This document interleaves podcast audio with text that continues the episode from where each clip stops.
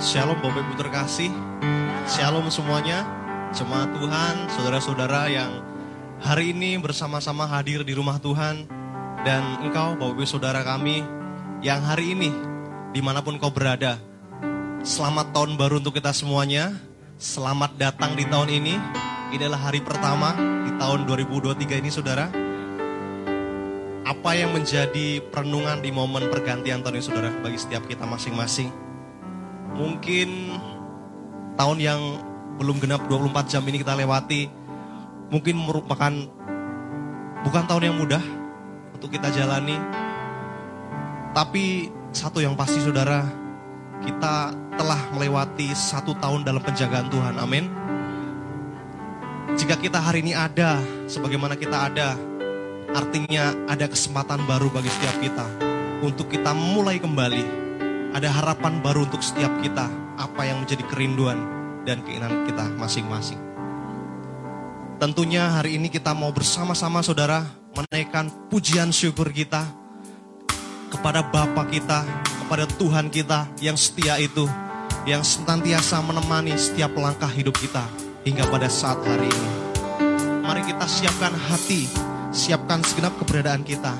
Kita bersama-sama beribadah, bersama-sama datang, memberikan pujian dan segenap kehidupan kita kepada Tuhan kita.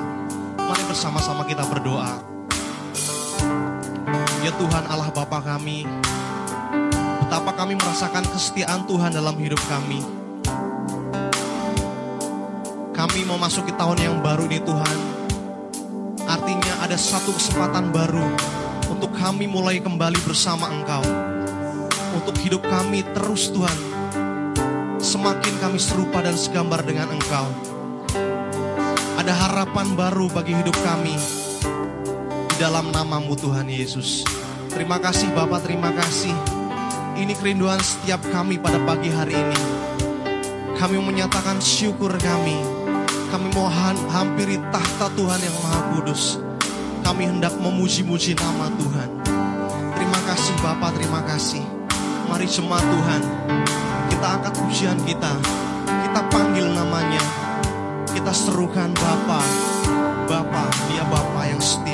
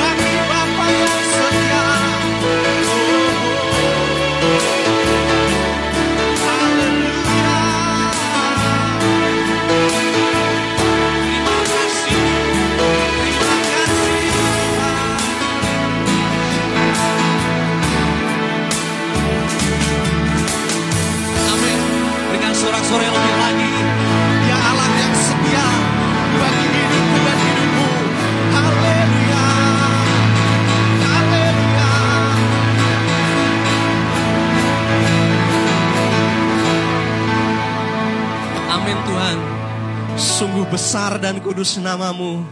Ini kerinduan setiap kami. Mulut kami tak akan berhenti untuk memuji-muji namamu.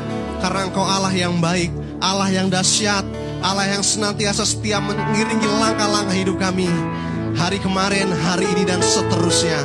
Di dalam nama Yesus kami mau lebih lagi beri pujian, hormat kami bagi nama Yesus. Haleluya, katakan amin. Sebelum sebelum lebih lagi memuji nama Tuhan, berikan jabat tangan dengan hangat, dengan mantap.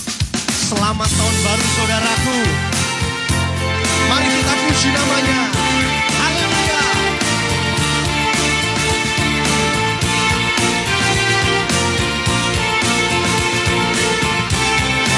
Hari ini kita memberikan setiap pujian kita,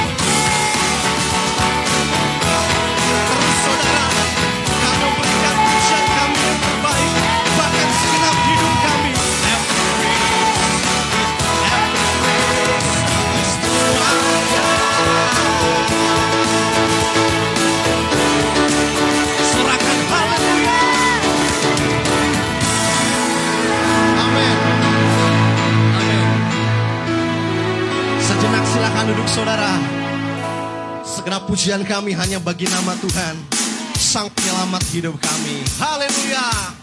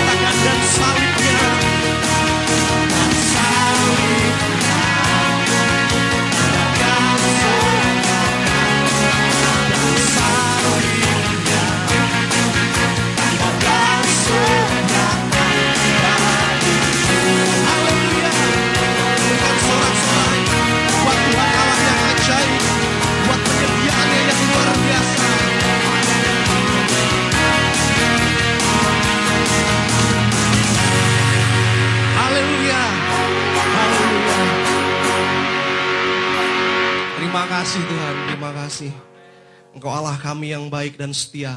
Ya, Terima kasih Bapak, terima kasih. Bahkan setiap langkah hidup kami, senantiasa kau tunjukkan kasih setiamu Tuhan. Kau menyediakan segala apa yang kami perlu ya Bapak. Menyambut kebenaran firman Tuhan hari ini, kami mau ingat segala kebaikan Tuhan sepanjang tahun. Hingga kami memasuki satu hari di tahun baru ini Tuhan. Betapa kesetiaanmu atas hidup kami sempurna adanya ya Bapak.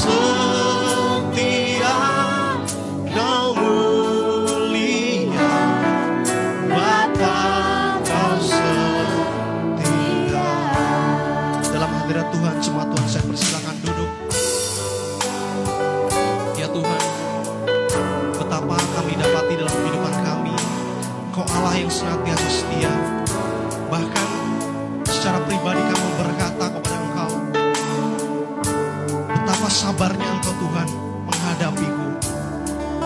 Ketika aku jatuh, dengan setia engkau mengangkatku kembali. Ketika aku tersesat, Bapa dengan setia mencari kami untuk kami boleh kembali pada jalan kami. Di bahumu ya Bapa adalah tempat yang ternyaman, terbaik untuk kami dapat kembali.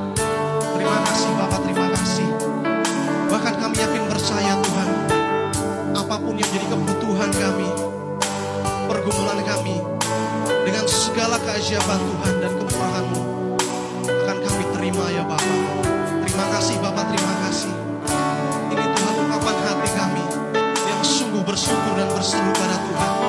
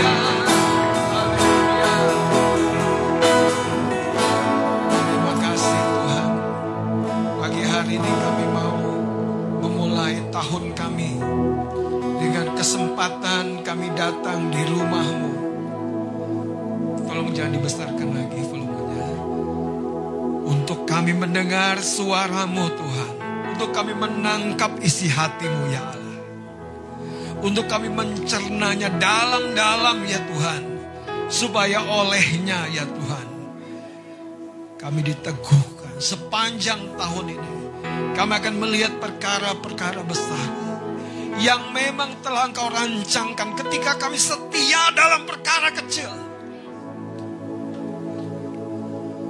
Jangan biarkan kami meleset Tuhan. Jangan biarkan kami abai.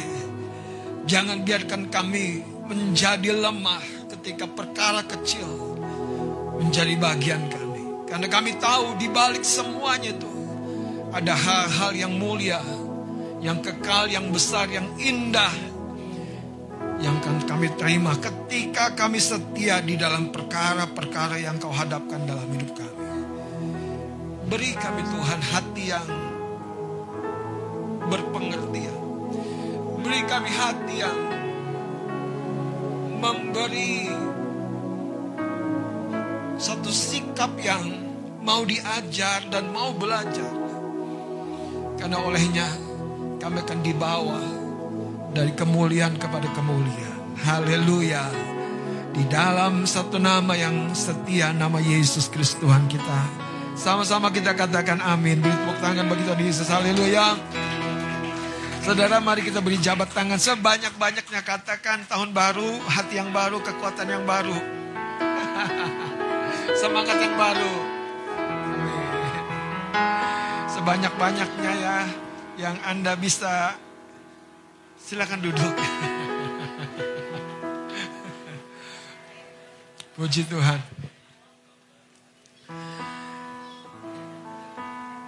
Dompet baru boleh juga.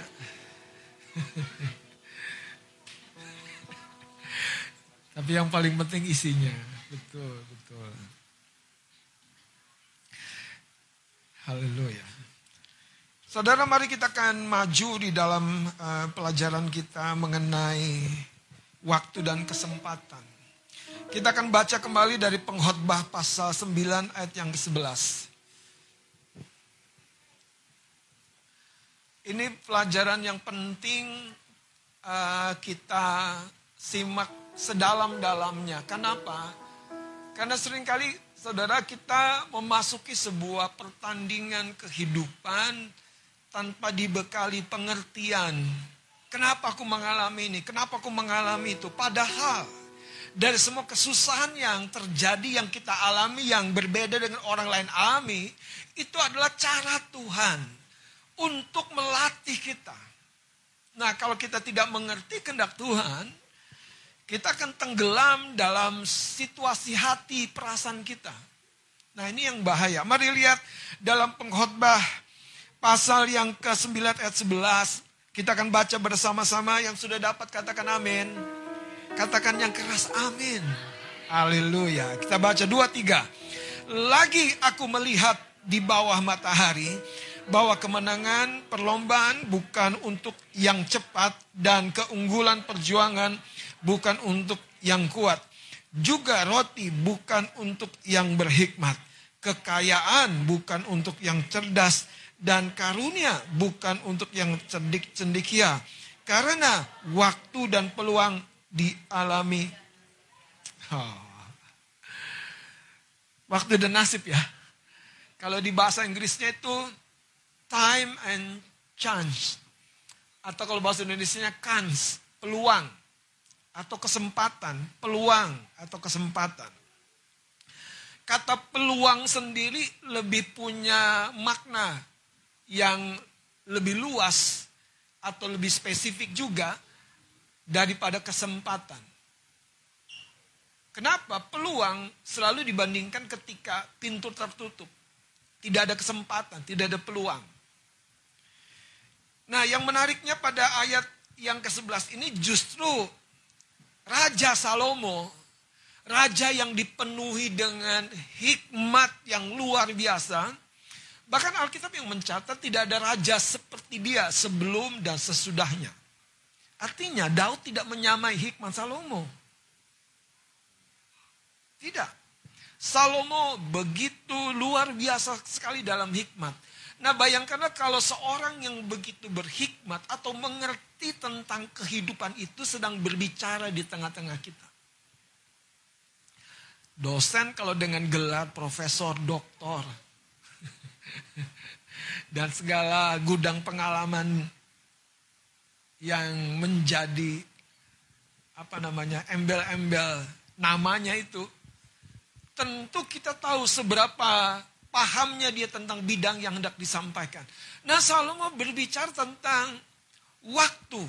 Salomo berbicara tentang kans atau kesempatan atau peluang.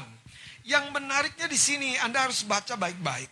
Karena waktu dan peluang atau kesempatan dialami.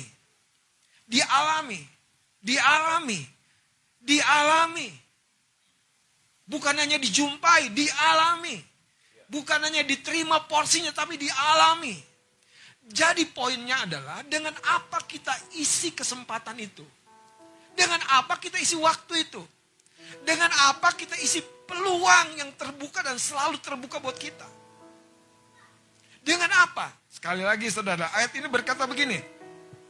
Karena waktu dan kesempatan atau waktu dan peluang dialami mereka semua. Siapa? Lihat saudara ayat yang ke-11 ini menarik. Lagi aku melihat di bawah matahari bahwa kemenangan perlombaan bukan untuk yang cepat. Jadi kaki yang cepat itu bukan segala-galanya. Terus dikatakan begini. Dan keunggulan perjuangan bukan untuk yang kuat Sebab besarnya kekuatan kita dalam perjuangan, dalam peperangan, itu bukan segala-galanya. Saya lanjutkan ya, Anda perhatikan kata bukan. Karena berkali-kali raja ini hendak menggarisbawahi. Jangan kamu terpaku dengan semua yang seolah-olah menjadi sebuah modal untuk sukses, untuk berhasil, untuk begini, begitu. Kita harus punya ini. Padahal Tuhan sudah memberi sama untuk semuanya. Modalnya adalah waktu dan peluang. Tapi kalau kita tidak diberi pengertian, ini yang terjadi. Kita akan isi waktu kita dengan hal-hal yang tidak berguna. Kalau Anda buka YouTube, Anda buka Shopee, munculkan tuh video-video pendek yang akan menarik mata Anda dan kadang-kadang tidak mau sih larut. Tapi karena kita klik. Eh kita klik, kita klik dan terus kita klik. Akhirnya waktu yang tadinya Anda ingin membuka multimedia GTK Pujian. nggak jadi. Waduh. Di situlah sebetulnya roh dunia itu dapat kesempatan. Makanya pertandingan kita adalah dalam menyikapi dan mengisi kesempatan dan peluang. Ketika hujan akan datang di bulan yang ketiga dari Januari, itu artinya kita sedang mempersiapkan taburan. Supaya taburan, tanah digarap, benih ada di dalam tanah, hujan datang memberi kehidupan. Tapi kalau kita tidak berpengertian, kita asik terlena, Bulan di mana Alkitab berkata Tuhan mencurahkan hujan awal musim. Dan mencurahkan hujan akhir musim untuk mematangkan yang sudah tumbuh itu. Kita akan kehilangan banyak. Jadi sekali lagi waktu dan peluang atau kesempatan itu dialami oleh semuanya. Coba kasih tahu kanan kiri, kita sedang berjalan dalam waktu dan peluang. Saudara, itu sebabnya kalau kita hari ini sedang menangani perkara-perkara kecil, kalau Anda sedang ada di dalam arah yang Tuhan tetapkan untuk kita, sudah pasti saudara.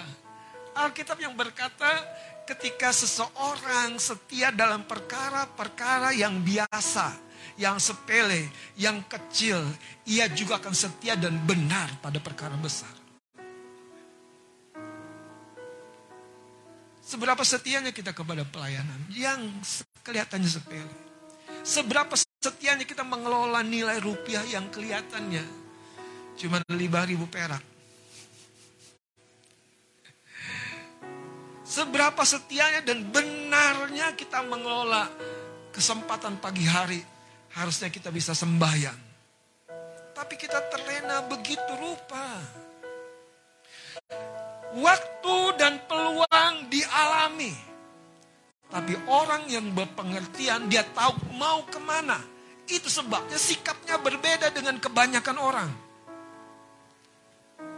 Setiap atlet-atlet yang di depan ada sebuah event pertandingan bahkan skalanya nasional. Dia akan lebih ketat menjaga dirinya. Dan puji Tuhan ada pelatihnya. Izinkan saya dalam anugerah Tuhan menolong anda-anda sebagai pelatih. Sekalipun Yesus saja melatih Petrus itu tidak mudah. Waktu dan peluang ada pada Yesus, ada pada Petrus. Tapi ketika Yesus menggambarkan Petrus, kamu akan menyangka aku tiga kali sudah digambarkan. Tapi karena Petrus tidak mau menyimak karena egonya, yang terjadi adalah waktu dan peluang itu dimanfaatkan setan. Membawa Petrus betul-betul terperangkap dalam kejatuhannya. Hari ini, izinkan manusia lama kita kita tinggalin 2023 kita jalan dengan karakter, sikap, kemauan, semangat yang baru. Katakan amin. Kenapa saudara? Karena waktu dan kesempatan atau peluang dialami oleh semua.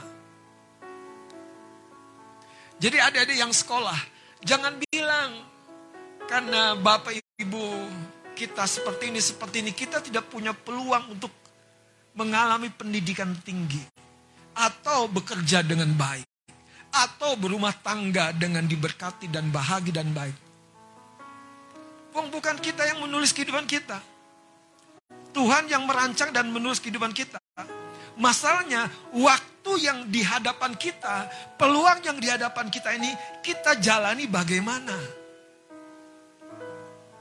Ada orang menikah dan dia nggak tahu bahwa menikah artinya akan punya anak. Tapi dia masih nikmati dengan hidup yang biasa sebelumnya. Dan ujungnya saudara, bayi yang sudah ada di rahimnya, dia tidak tahu bahwa sudah ada. Dan hilang atau gugur bayi dalam rahimnya. Karena kurangnya pengertian untuk mengelola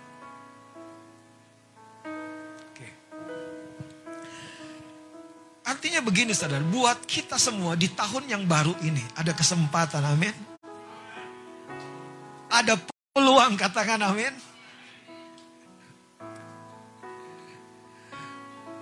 Oke, mari kita lihat beberapa contoh. Dari Lukas pasal yang ke-16. Yang dibutuhkan itu kecerdikan. Dan ini perkataan Tuhan Yesus.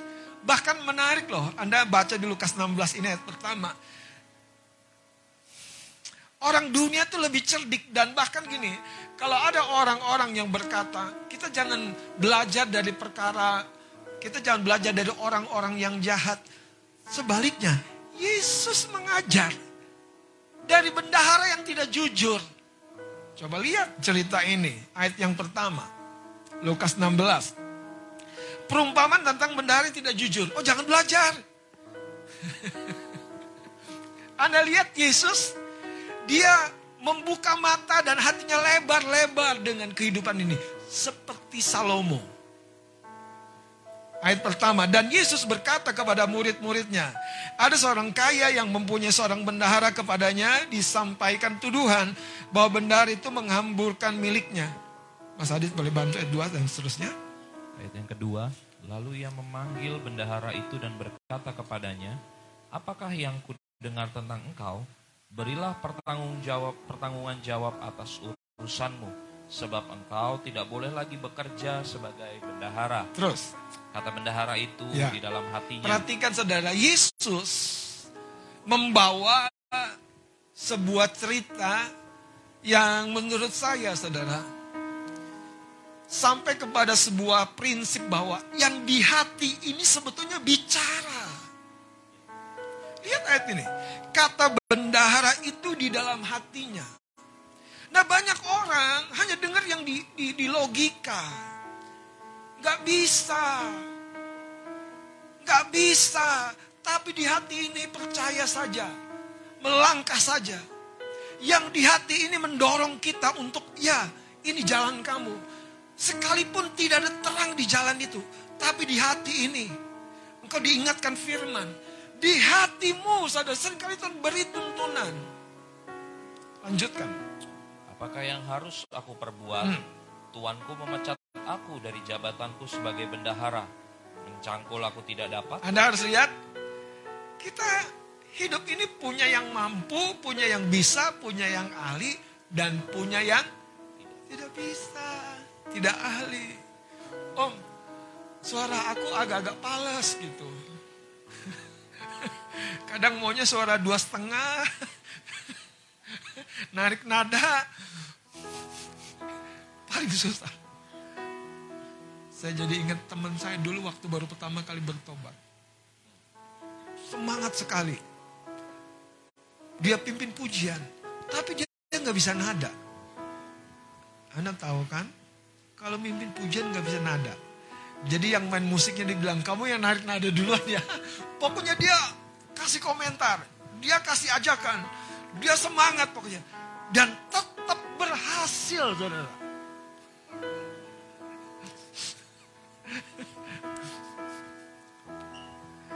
Mama kami, mama bertua, mamanya istri saya. Bukan keturunan dari juru masak. Mereka yang punya restoran-restoran. Tapi kapan mama mulai buka lapo? Dan ketika itu saudara, tidak ada cerita tuh yang namanya orang komplain dengan makanannya yang gak enak.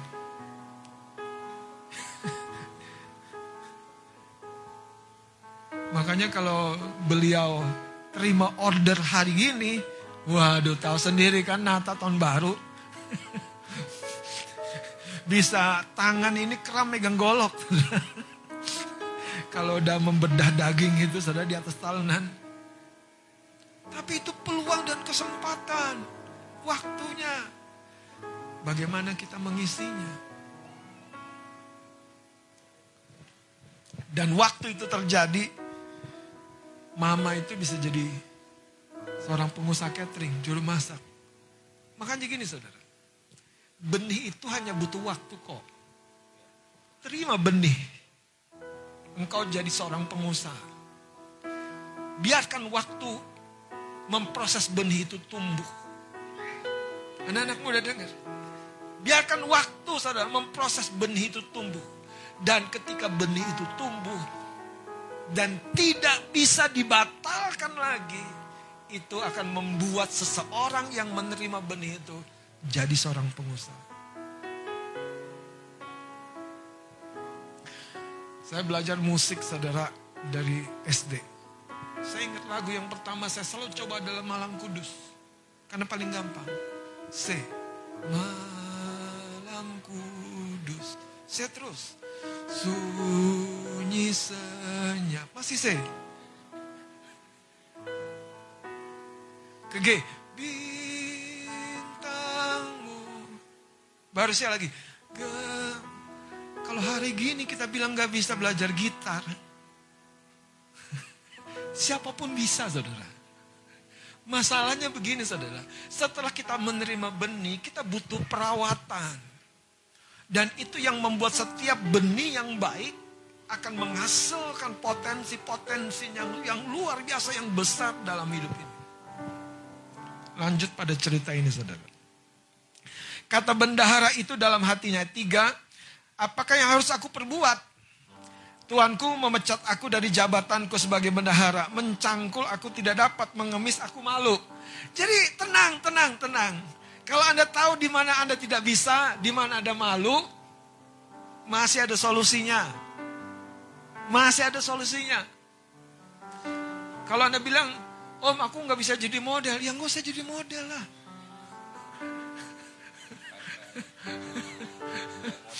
Tergantung model apa saudara.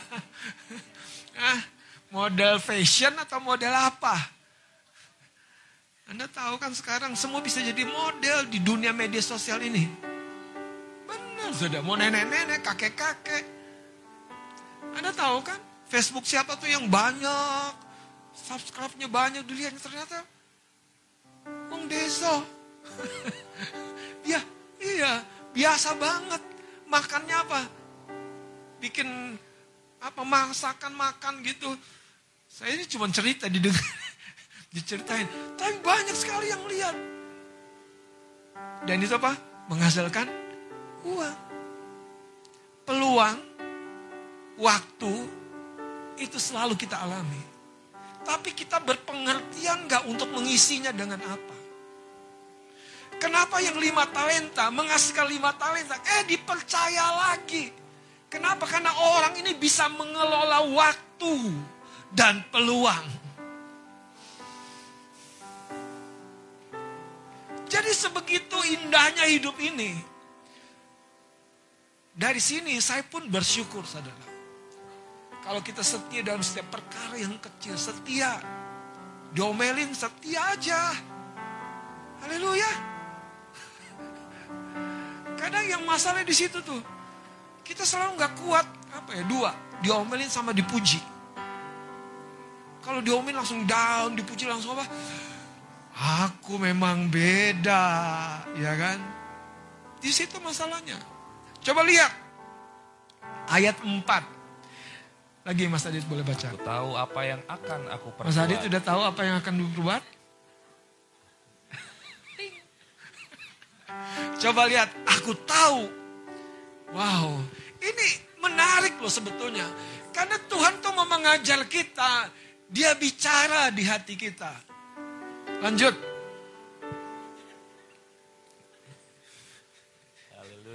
Supaya apabila aku dipecat dari jabatan Haleluya. sama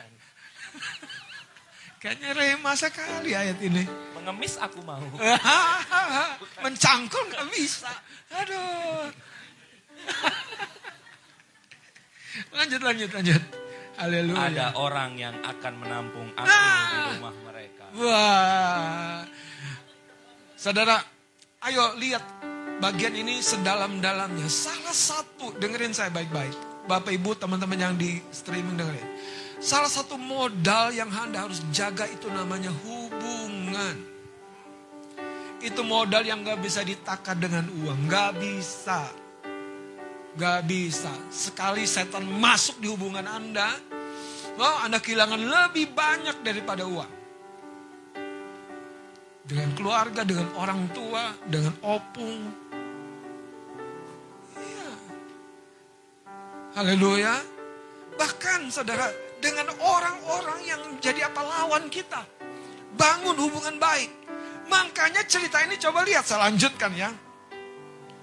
Supaya dikatakan ada orang menampung aku di rumah mereka. Ayat 5-nya saya baca dengan cepat. Lalu ia memanggil seorang demi seorang yang berhutang kepada tuannya. Katanya kepada yang pertama, berapa hutangmu kepada tuanku? Jawab orang itu 100 tempayan minyak dan seterusnya. Duduk Anda baca sendiri. Dibuat surat yang baru. Dan wah apa namanya? Terima kasih banyak sama bendahar yang tidak jujur ini. Saya mau ajak Anda lihat ayat yang ke-8. Lalu Tuhan itu memuji bendahar yang tidak jujur itu. Karena ia telah bertindak dengan cerdik.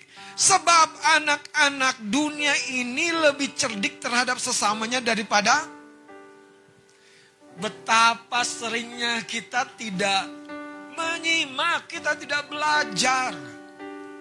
Sampai Tuhan sendiri lihat, bilang, anak-anak dunia ini lebih cerdik. Sekali lagi, Tuhan bilang cerdiklah, berpengertianlah. Sehingga kalau dipecat, itu bukan akhir dari duniamu. Kalau gagal dalam satu bidang, itu bukan akhir dari duniamu. Kalau pintu tertutup dan sementara orang sudah banyak yang masuk, itu bukan akhir duniamu. Tuhan belum selesai mengerjakan bagiannya dalam hidup kita. Satu yang harus kita terus pastikan, kita mengerti waktu dan kans atau kesempatan atau peluang.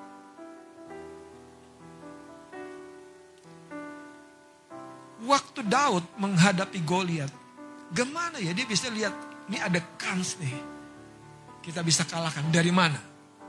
Ketika Daud tahu ada penyertaan Tuhan dalam hidupnya. Dia sampai bilang ini, siapa orang yang tidak bersunat nih? Yang tidak ada ikat janji dengan Allah Israel. Siapa mereka? Kalau Anda telusuri ke belakang dalam catatan Alkitab. Bangsa kanan itu bangsa yang memang dikutuk. Tapi Israel sebaliknya, bangsa yang diberkati. Artinya, musuh itu sudah dalam sebuah proporsi yang memang sudah kalah. Tindakan Daud itu cuma menggenapkan apa yang Tuhan mau. Apakah kita tahu bahwa ada dunia-dunia yang memang Tuhan buka buat kita hadapkan kepada kita. Sekalipun sepertinya tidak mungkin. Lihat ayat yang ke-9. Dan aku berkata, ini Yesus berkata kepadamu, Coba lihat, ikatlah persahabatan dengan mempergunakan apa? Mamon yang mamon yang tidak jujur supaya jika mamon itu tidak dapat menolong lagi, ini bicara harta kekayaan tidak bisa menolong lagi. Lihat, makanya kaitannya dengan bendahara. Kamu diterima dalam kemah. Jadi Tuhan tuh mau kita cerdik menggunakan harta kekayaan kita. Bangun persahabatan, dengan Tuhan. Ada satu gambar yang saya mau tunjukkan saudara. Ini kaitannya penting sekali bagaimana kita mengisi waktu dan kesempatan yang semuanya kita alami. Silakan. Gambar apa ini? Coba, siapa yang mau jawab gambar apa ini? Apa? Ya yang gambar apa ini? Ah, mana kuenya?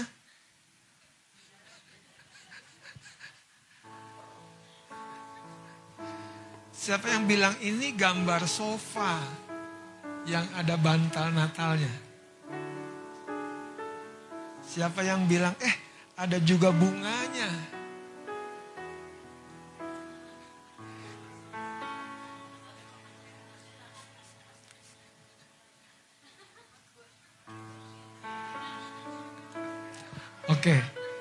Dengerin saya.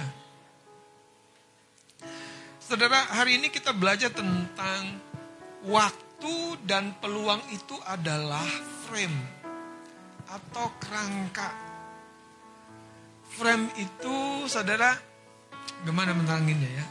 Seperti frame foto.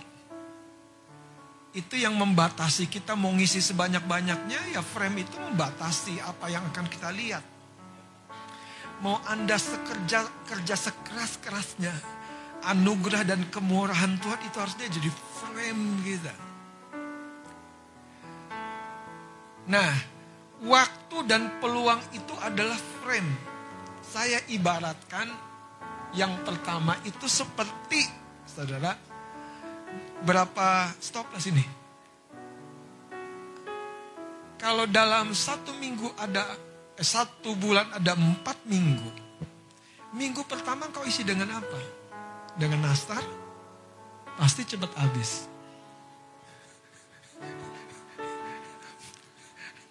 Kau isi dengan apa? Kue kacang, biasanya nomor dua habis. Kembang loyang, nggak muat banyak di situ. Terlalu kecil, butuh apa kaleng kongguan. Kita isi apa? Yang keempat, kacang goreng. Nah, nanti tamu bawa plastik ke rumah kita. Ini yang saya mau ceritakan, saudara. Semua kita tuh sebetulnya diberikan wadah ini tiap-tiap tahun. Yang namanya berapa? 365 hari. Betul ya? 12 bulan Betul ya? 12 bulan. Dan pada setiap bulan saja itu ada musim-musim yang berbeda. Sayangnya ada banyak anak-anak tuh tidak mau peduli. Betul-betul tidak mau peduli saudara. Mikirnya gampang aja. Besok kamu pulang kampung gak mikir ongkosnya. Lagi dapat THR nggak nabung. Eh beneran loh, beneran. Gak mikir tahun depan mau kuliah. Sekarang foya-foya. Beneran. Ada 365 hari. Dengan apa kita mau isi? Isilah dengan 12 bulan yang masing-masing punya warna yang berbeda. Dan di dalam satu bulan itu ada empat minggu. Saudara, ada minggu pertama tempat kita melakukan perjamuan kudus. Kalau kita biasakan tidak mempersiapkan diri minggu pertama membawa miliknya Tuhan. Lihat berapa banyak orang alasannya cuma lupa. Karena mereka nggak berpengertian saudara. Dan itu menyedihkan Tuhan. Karena tidak berpengertian. Kenapa nggak transfer? Bawa bilnya saudara. Saya ngomong fair saudara. Karena supaya Anda diberkati. Ada minggu kedua. Masih dalam waktu, musimnya, momennya. Tapi dia tidak berpengertian. Mengabaikan yang di dalam ini dan dorong. Tidak heran saudara. Jatuhnya apa? Lalai lagi. Ini yang setan tunggu. Makanya saudara, setiap penundaan-penundaan dari hal yang baik, itu ujungnya adalah penundaan yang panjang dalam tahun kita. Kalau Anda menunda untuk berobat, ya tunggu saudara. Sampai Anda harus dioperasi total. Mesin gitu aja ya Pak Bim ya.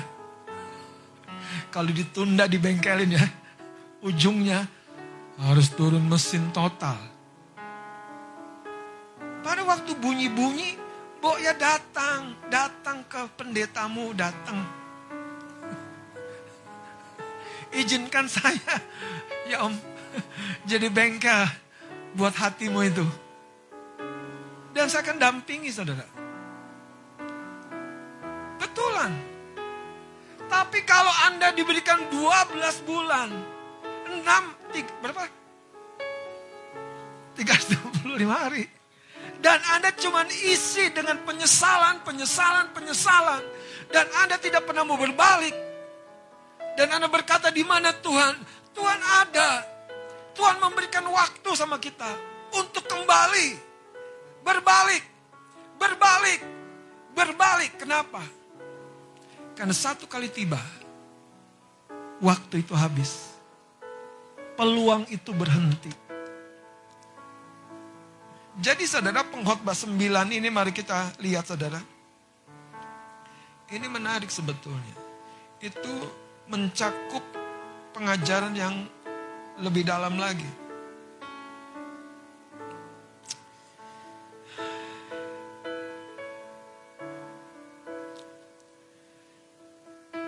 Kalau Anda baca dari ayat pertama dan Anda akan lihat begini saudara.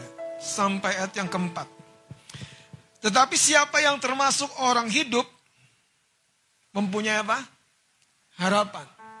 Jadi ternyata harapan itu yang menggerakkan kita untuk mengisi waktu dan peluang yang akan kita alami. Jadi peluang dan kesempatan itu pasti sadar bahkan luar biasa ya. Akan datang. Masalahnya kita jadi bendahara yang bodoh atau bendahara yang cerdik. Kita jadi bendahara yang ngerti bagaimana mengelola apa yang kita punya sekarang untuk memasuki waktu yang baru di depan. Gunakan yang ada sekarang untuk memasuki sesuatu yang baru di depan. Dan ketika itu terjadi kalau Anda baca, bendahara itu diterima akibat apa? Kecerdikannya. Nah ayat ini berkata, Seakan anjing yang hidup lebih baik daripada jadi milikilah pengharapan di awal tahun ini untuk mengisi 365 harimu, 12 bulanmu dengan setiap hal yang membuat engkau di tahun depan tidak bisa tidak kalau benih itu tumbuh. Kalau benih itu tumbuh. Bahkan saudara, Anda tahu ya namanya marka jalan, aspal jalan. Kalau ada satu pohon terlalu dekat dengan aspal itu, akarnya itu akan membongkar. Gak bisa ditahan saudara. Makanya saya percaya setiap kita ketika kita mengizinkan benih kebenaran ini tumbuh, tinggal tunggu waktunya. Daud berkata, mereka yang ditanam di bait Allah akan berbuah. Apakah Anda seorang yang ditanam? Setia, komitmen. Ambil zat kehidupan dari rumah Tuhan. Setia komitmen, beri waktu saudara. Maka saudara dunia tidak akan bisa mengejar langkah-langkahmu lagi. ayat 5 ini. Karena orang-orang yang hidup tahu bahwa mereka akan mati, tetapi orang-orang yang mati tidak tahu apa-apa. Tak ada upah lagi bagi mereka, bahkan kenangan kepada mereka sudah lenyap. Jadi lihat ayat 10-nya sekarang. Itu sebabnya lihat nasihat raja yang mengungkapkan keajaiban tentang waktu dan peluang. Dia berkata begini, segala sesuatu yang dijumpai tanganmu untuk dikerjakan, coba lihat, perhatikan baik-baik ayat ini. Segala sesuatu yang dijumpai tanganmu untuk apa? Jadi ada sebuah penugasan dalam hidup ini. Dengan tangan kita untuk berkarya. Segala sesuatu yang dijumpai oleh tanganmu, kerjakan. Tapi ada tekanan yang berbeda di sini. Kerjakanlah itu sekuat tenaga. Karena tidak ada pekerjaan, pertimbangan, pengetahuan, dan hikmat dalam dunia orang mati ke mana engkau akan pergi. Saudara, kita sudah belajar kemarin di persekutuan doa tanggal 30 Desember.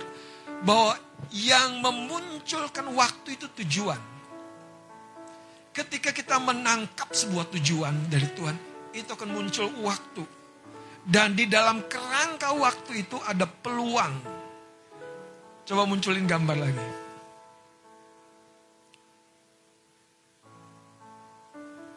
Gambar ini sederhana. Tapi mengingatkan saya dengan baik-baik. Apa yang kita mau munculkan di hidup kita. Kalau ini kan di ruang tamu kita. Di ruang tamu saya lah. Ketika Natal tiba, ya kita munculkan suasana Natal. Tapi yang menarik adalah gini. Semua ini dilakukan oleh istri saya. Untuk menyambut tamu yang datang. Sudahkah Anda mempersiapkan untuk menyambut Tuhanmu yang datang. Melawatmu, mengubah hidupmu, memberkatimu. 365 hari. Ada 12 bulan. Mamon yang tidak jujur itu punya kekuatan kalau kita bisa gunakan dengan cerdik. Waktu dan kesempatan yang dimiliki oleh bendahar yang tidak jujur itu menjadi sebuah pelajaran yang Yesus sendiri ambil untuk kita anak-anak Tuhan. Cerdiklah, cerdiklah, cerdiklah cerdiklah. Anda, saya mau tutup dengan cerita mamanya Samuel.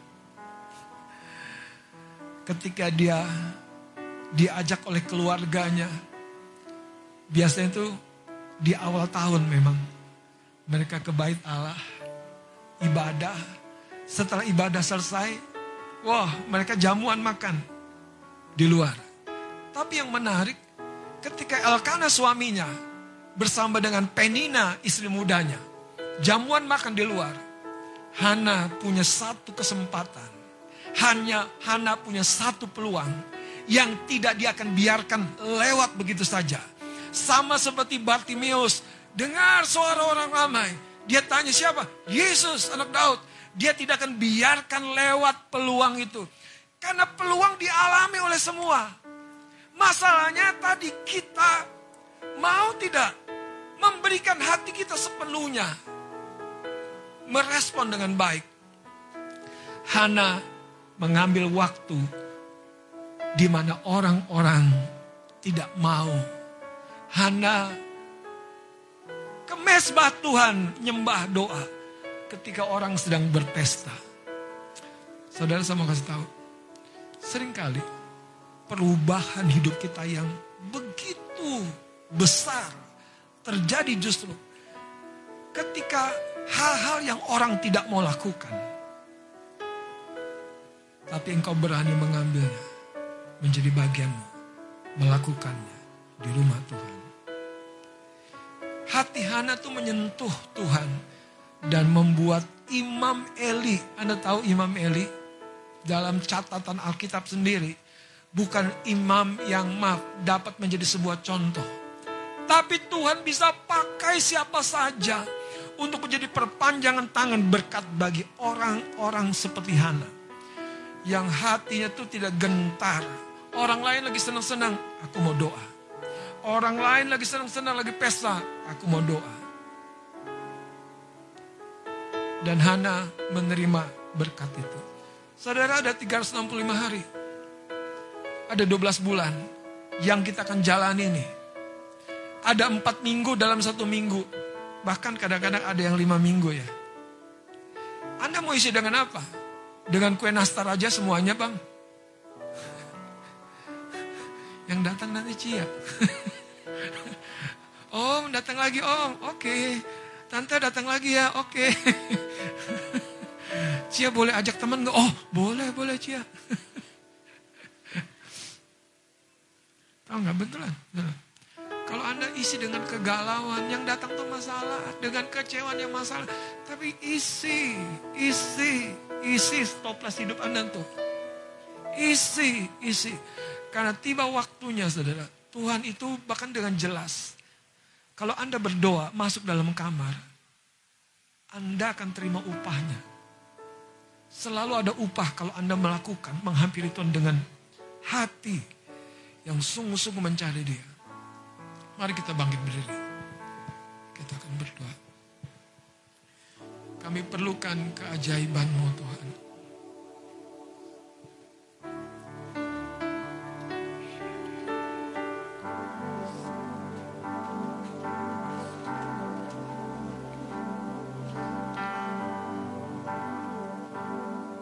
Ada beberapa waktu, ada beberapa orang WA saya.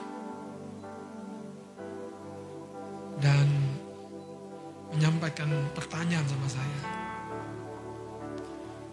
Saya berupa segera, saya berusaha segera menjawab dan merespon.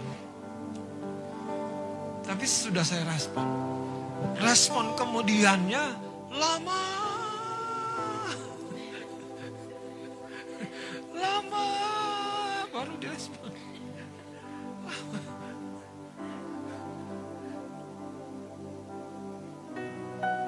Kadang-kadang saya berpikir begini, ini serius nggak sih nanya sih? Karena waktu cepat dengan respon, ini saya mau cerita tentang hatinya Tuhan. Begini saudara. Saya membuat grup WA saya yang banyak itu di pekerjaan saya sebagai pendeta di nomor yang berbeda yang baru. Sampai supaya saya tahu kalau ada gambar WA muncul di handphone saya itu artinya penting. Pertanyaannya, seberapa pentingkah Anda kalau datang kepada Tuhan? Seberapa sungguh-sungguhnya kah seperti Hana gitu? Sungguh-sungguh. Itu yang saya bilang tadi. Saya respon. Saya tunggu. Lah nggak direspon lagi. Kirain begitu pentingnya. Artinya begini saudara. Tuhan tuh selalu ada di tempat di mana engkau memanggil dia. Tapi sayangnya hati kita sering kali kurang sungguh-sungguh. Satu minggu ada tujuh hari. Satu hari ada 24 jam.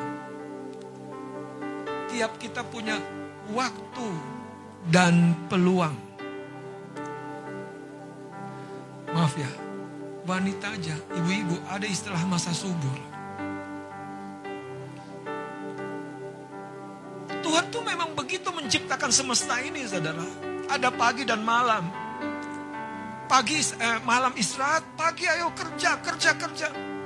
Jadi ada musim, ada waktu, ada peluang. Tapi banyak anak-anak Tuhan tidak cukup cerdik. Itu yang membuat kita berpikir Tuhan tidak dengar doa kita. Tuhan tidak peduli dengan hidup kita. Padahal Tuhan selalu memberikan peluang baru. Pertanyaan hari ini, sudahkah kita tahu peluang yang Tuhan beri?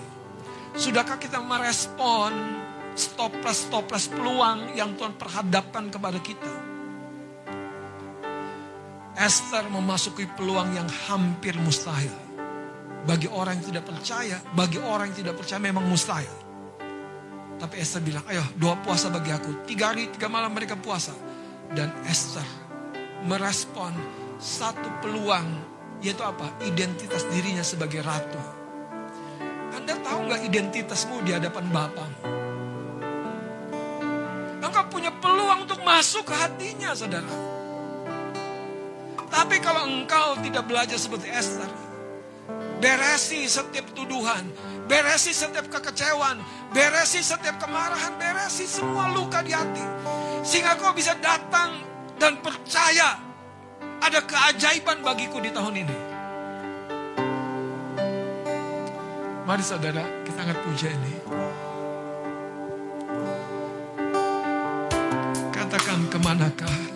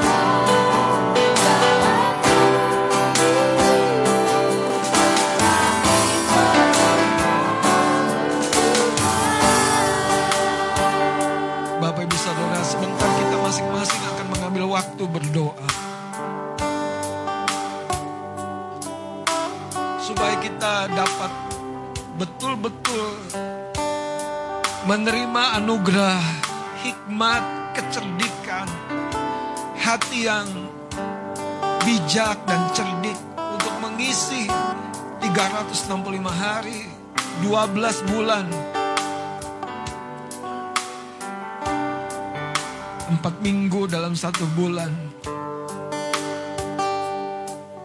Tiap-tiap waktu akan menghasilkan rangkaian atau mata rantai peristiwa dalam hidup kita.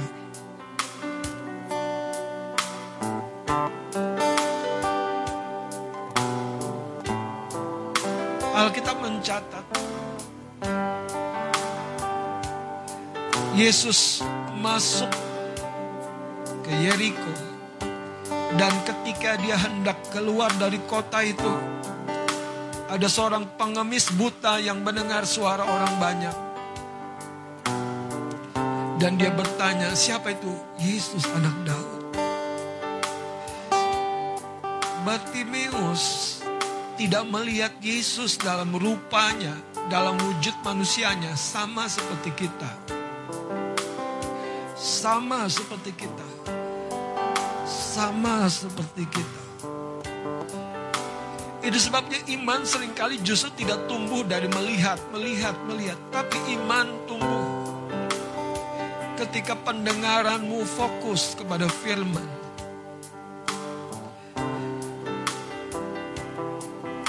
Sama seperti wanita yang 12 tahun sakit pendarahan. Tidak diundang Yesus. Tapi dua orang ini, dua tokoh Alkitab ini. Mereka seperti menyeruak, mendesak masuk.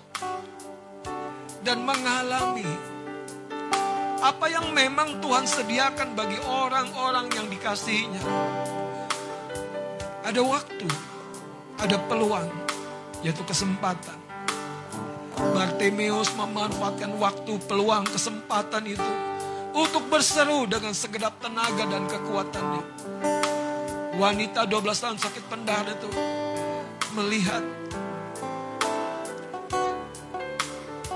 ini hari aku harus mengalami kesembuhan. Aku bosan dengan hidup yang seperti ini. 12 tahun aku sakit pendarahan. Aku mencari tabib demi tabib, tabib demi tabib, tapi keadaanku makin buruk. Dan wanita ini berperkara dalam hatinya. Bahkan Alkitab tidak mencatat, dia tidak konsultasi sama siapa. Tapi di hatinya ada sebuah dorongan. Asal ku jamah saja. Seringkali anak-anak Tuhan mengabaikan dorongan Tuhan di hatinya. Itu yang membuat waktu berlalu begitu kosong. Peluang terlewat lagi dan terlewat lagi. Pagi hari ini, di hari pertama tahun 2023 ini, insaflah, sadarlah. Tuhan memberi waktu dan peluang untuk kau berbalik dan mengalami pelukan hangatnya. Kasihnya yang baru engkau mengalami berkatnya. Dan itu terjadi seperti wanita 12 tahun sakit dan seperti Bartimius. Ketika engkau menyadari dan sungguh-sungguh terus datang kepada dia dengan hati yang percaya.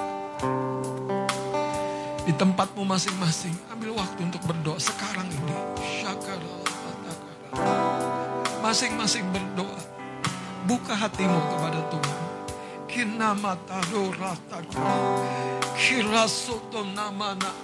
Mungkin kau rindu suamimu berubah. Mungkin kau rindu istrimu berubah. Ada waktu Tuhan beri bagimu. Ada kesempatan dan peluang diberi bagimu. Sudahkah engkau menggunakannya dengan bijak, dengan tepat, dengan dorongan Tuhan? Kau rindu berinvestasi. Ada waktu ada peluang Tuhan beri. Sudahkah engkau menyadari di dalam hatimu seperti benda yang tidak jujur itu? Minta kepada Tuhan. Biar hidupmu tidak sama lagi di tahun yang baru ini. Dorcas berbuat baik bagi janda-janda, bagi ibu-ibu dengan membuatkan jahitan. Dia sakit, dia meninggal. Tapi ada sebuah kabar bahwa Rasul Petrus ada di sebuah tempat yang berbeda. Dan orang-orang percaya melihat ada kesempatan, ada peluang, dan ada waktu. Itu sebabnya, jadilah teguh, jadilah kuat. Jangan mundur maju, mundur maju, mundur maju. Ambil sebuah ketetapan nanti. Biarlah sinarmu terang benderang. Sebagaimana dia sedang menuangi minyak saat ini ke dalam lubuk hatimu. Syakata. Rate kenamata korobo shakanala mata. Kirata korobo shakanala mata kanala mata. Kinabata korobo sana. Ayo, ayo menyembah, ayo berdoa. Sakarala bata kanala bata kana. Hiarena masande namatakana. Hiarata kaya rasaka. Ayo bertobat, berbalik dari jalan-jalan hidup kita yang lama. Yang sering kali menghambur-hamburkan, menghabiskan waktu. Bukan dengan sesuatu yang tepat dalam frame-nya Tuhan. Dalam kerangkanya Tuhan. Hidapa kata korobo sekanala mata kanala bata. Kirata korobo shikanala bata kanala mata kanala. Kina mata karada kine mata korobo. Rata kia rasa kata karama. Kina mata urabato korobo. Irato nama sande nayaba. Rikata. Kalau engkau tidak bisa seperti orang lain bisa. Tidak mengapa. Masing-masing kau punya kelebihan. Sekalipun di sana juga ada kekurangan. Tapi engkau punya waktu dan kesempatan untuk hidup diberkati. Hidup untuk pulih sembuh dan berhasil. Syakata Kindala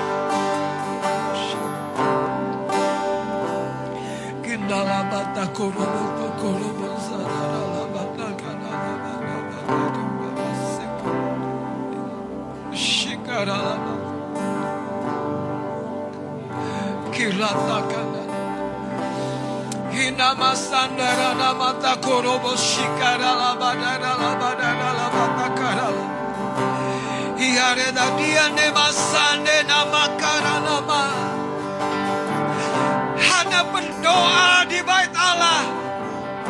Lagi dan lagi dan lagi dan lagi. Sementara orang sedang berpesta di luar. Oh, saya rindu berjumpa dengan orang-orang seperti Anda. Saya haus. Saya mencari orang-orang seperti itu. Yang mau berbeda mencari Tuhan Kilabata korobote ke namata kera sikara bata kaya nama. Kinamata korobo sekete kede Sidara labata.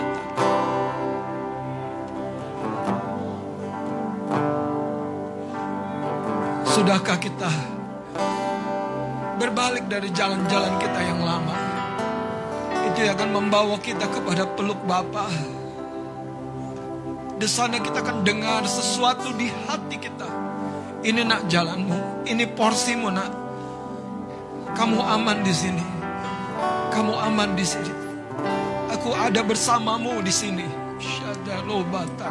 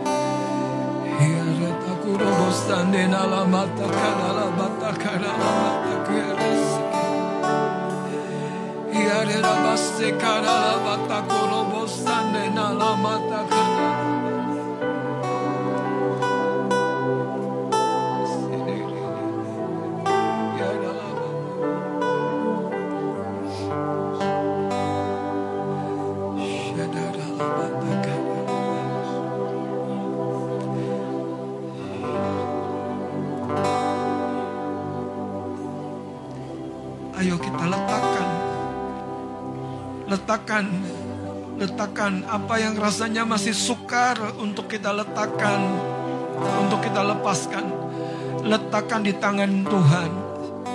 Taruh di tangan Tuhan Taruh di tangan Tuhan. Dia mampu mengubahmu Dia mampu memberkatimu Dia mampu menolongmu. Dia mampu Dia mampu Dia bisa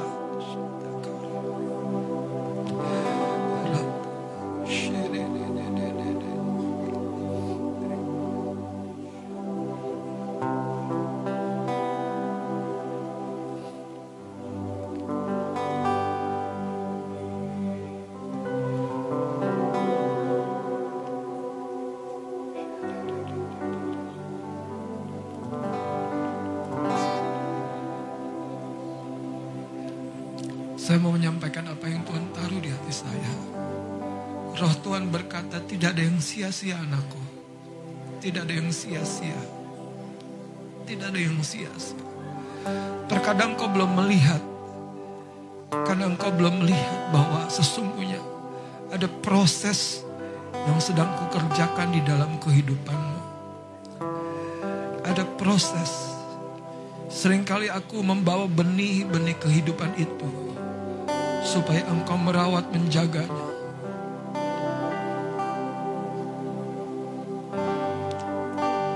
Tuhan berkata tidak ada yang sia-sia.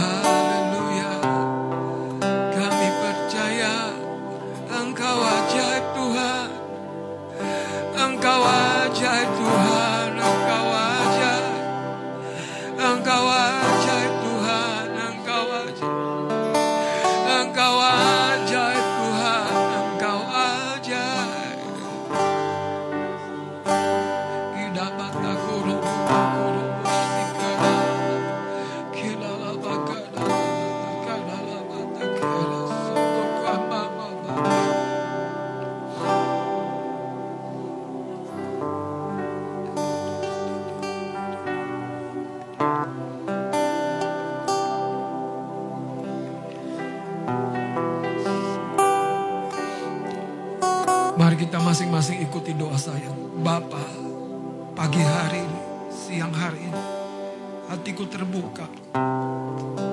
Basuh aku dari jalan-jalan hidupku yang dipenuhi dengan waktu-waktu yang sia-sia, yang kosong, yang tidak berguna, bahkan bagi hidupku sendiri. Tuhan basuh aku, terangi aku, jauhkan aku dari cinta kepada dunia ini. Jauhkan aku Tuhan, bersihkan aku. Biarlah aku menjadi anak-anakmu yang siap sedia. Kau bawa masuk mengalami semua janjimu tergenapi dalam hidupku. Sebab engkau setia, engkau benar dalam setiap perkataan. Kasih Bapak. Haleluya. Terima kasih. Terima kasih Tuhan. Terima kasih. Biar di akhir tahun ini hati kita dipenuhi dengan doa, ucapan syukur, dan kesiapan untuk melangkah. Lepaskan jubah yang lama Bartimeus melepaskan jubah pengemisnya dan menghampiri Yesus. Haleluya, haleluya. Terima kasih Bapak. masing-masing di tempat kita bersyukur, bersyukur, bersyukur, bersyukur. Bersyukur Tuhan memberi babak yang baru, kesempatan yang baru, peluang yang baru. Sekalipun waktu terbatas, kesetiaannya menolong kita. Terima kasih Bapak. Kami mengucap syukur untuk kebenaran firman-Mu. Biarlah ini termaterai dalam hati kami. Di dalam nama Tuhan Yesus Kristus. Sama-sama katakan amin. amin. Puji Tuhan, silakan duduk. Bapak Ibu Saudara yang kasih oleh Tuhan, saya masih akan lanjutkan pada minggu besok tentang waktu dan kesempatan atau peluang adalah frame. Tapi pertanyaannya apakah kita cukup cerdik mengisinya dengan yang tepat? Dengan yang tepat. Frame itu seperti template. Frame itu seperti lemari baju. Apa yang lama semua ditumplakin di lemari baju kita sampai yang baru nggak muat lagi. Ya. Frame itu ya seperti bingkai. Kita mau ekspresikan bagian yang mana. Nah saya berdoa di awal tahun ini kita belajar sesuatu untuk melihat kembali hidup kita. Dan saudara anak-anak muda khusus saya mendorong kejar yang terbaik yang dari Tuhan. Ada waktu, ada peluang, ada kesempatan dari Tuhan. Bapak Ibu yang punya pengharapan khususnya. Kita tidak ditinggalkan Tuhan. Kalaupun kita mengalami seperti Hana, ayo berbalik. Jangan jadi pribadi yang apa ya, acuh nggak acuh, pasif gitu. Itu Hana sebelumnya begitu. Tapi waktu dia mulai digosok oleh Penina, dia jadi orang yang bergairah untuk menyatakan Tuhan itu setia. Tuhan Yesus memberkati. Amin.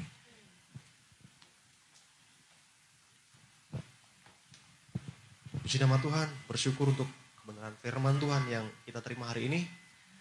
Kita bersiap menyambut setiap peluang dan kesempatan yang Tuhan berikan dalam hidup kita. Puji nama Tuhan, untuk selanjutnya saudara akan saya sampaikan pengumuman pada hari ini, Minggu 1 Januari 2023. Yang pertama adalah hari Minggu depan, tanggal 8 Januari, akan ada ibadah ucapan syukur uh, atau ibadah buka tahun. Dan akan diadakan juga perjamuan kudus di gereja kita di tempat ini. Seperti biasa jam setengah sepuluh. Nah ada catatan saudara, di minggu depan itu akan ada cross kado untuk setiap kita. Mari kita persiapkan uh, berupa barang yang bukan makanan saudara. Bisa untuk uh, pria dan wanita. Untuk lengkapnya nanti akan disampaikan oleh tim sekretariat melalui WhatsApp group. Untuk selanjutnya kita akan berikan persembahan. Minggu ini ada dua kali persembahan. Kantung berwarna merah akan dialokasikan untuk operasional sekretariat. Dan uh, juga kita akan berikan persembahan persepuluhan bagi jemaat yang membawa persepuluhan dapat maju ke depan. Dan bagi jemaat yang di rumah pribadi di rumah dapat memberikan persembahan atau persepuluhan dapat ditransfer ke rekening bendara gereja. Untuk selanjutnya kita akan menerima pengarahan dan doa dari Bapak Gembala untuk persembahan kita hari ini.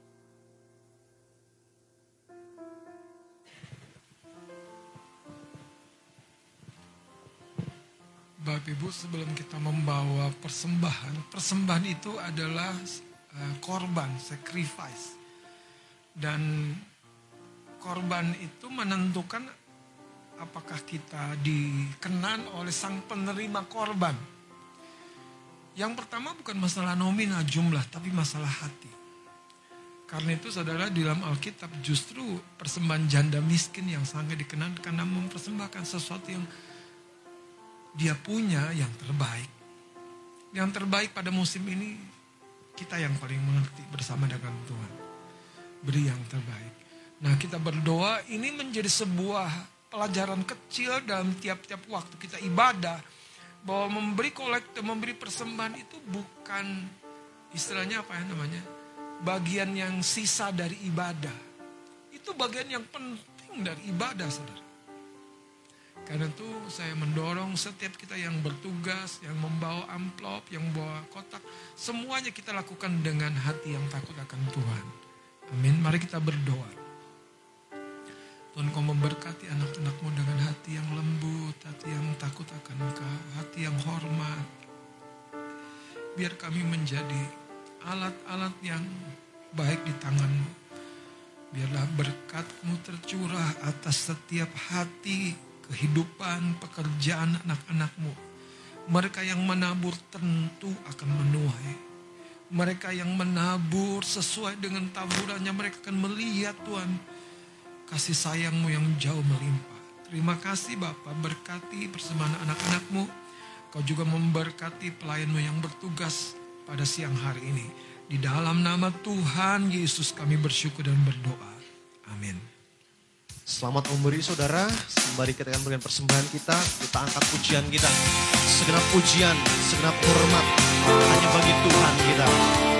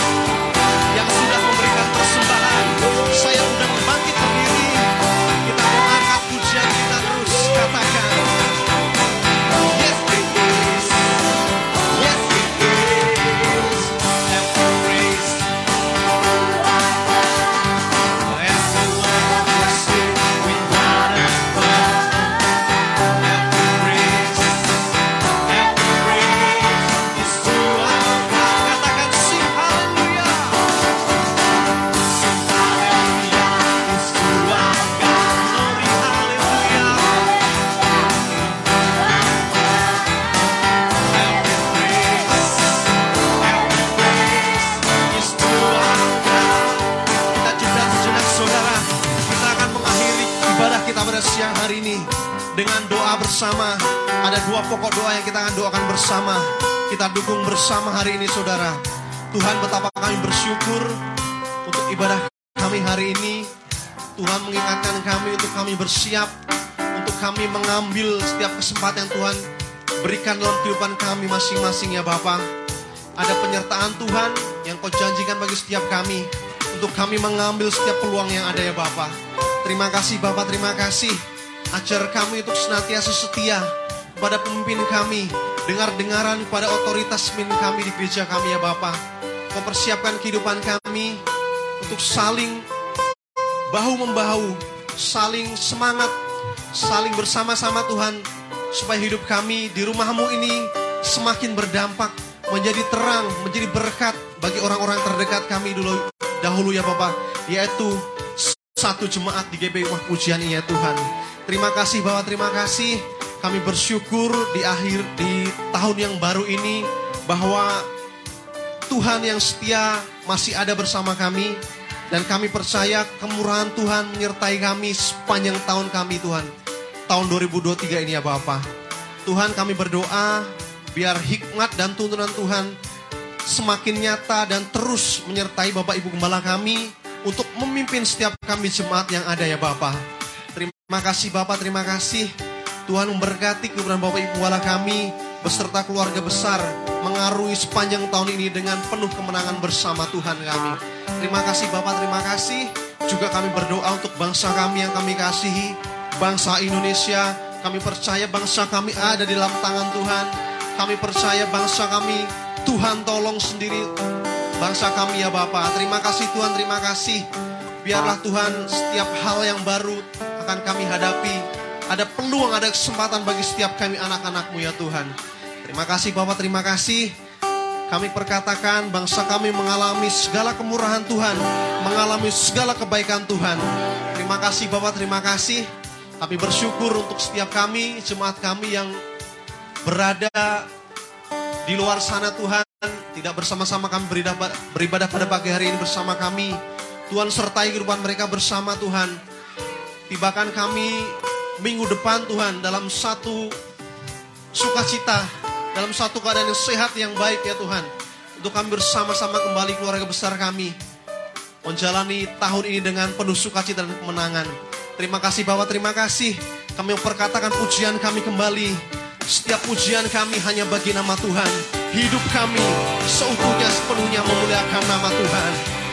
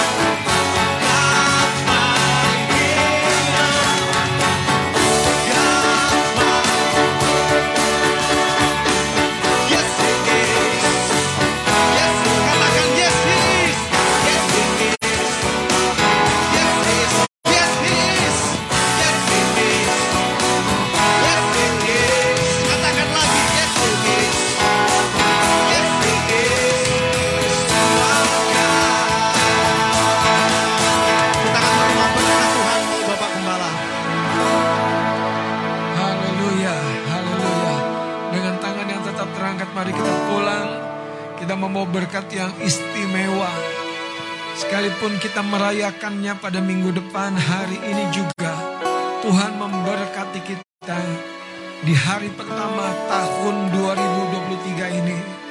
Biarlah 365 hari, 12 bulan ada di dalam genggaman tanganmu bersama dengan Tuhan. Kau akan melihat hal-hal yang tidak mungkin terjadi.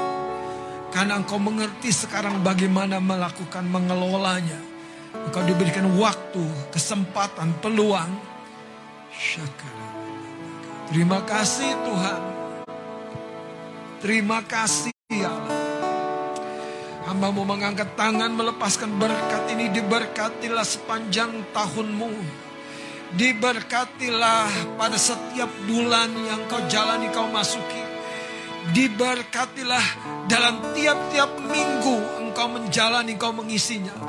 Ada semangat, ada gairah, ada sukacita. Ada inspirasi, ada motivasi. Hidupmu dibawa makin naik, makin tinggi, makin mulia. Hidupmu dibekali, makin berisi, makin kokoh, makin teguh. Hidupmu makin terang, makin bersinar, makin bercahaya. Dari lidah bibirmu mengalir hikmat, mengalir perkataan-perkataan firman. Dari hidupmu Tuhan akan dipermuliakan. Sekarang terimalah segala kasih karunia anugerah berkat dari Bapa yang mulia, yang mengasihi engkau. Dan cinta kasih dari Tuhan Yesus Kristus penebus dan juru selamat Dan kiranya persekutuan roh kudus menyertai kita mulai hari ini. Sampai selama-lamanya. Kita akan berjumpa kelak di kekekalan ketika dia menjemput kita pada kedatangannya kali yang kedua. Sampai selama-lamanya. Di dalam nama Yesus Kristus. Dan semua kita yang diberkati katakan sama-sama. Amin. Amin. Amin. Tuhan memberkati. Selamat hari Minggu, Tuhan Yesus memberkati kita semuanya.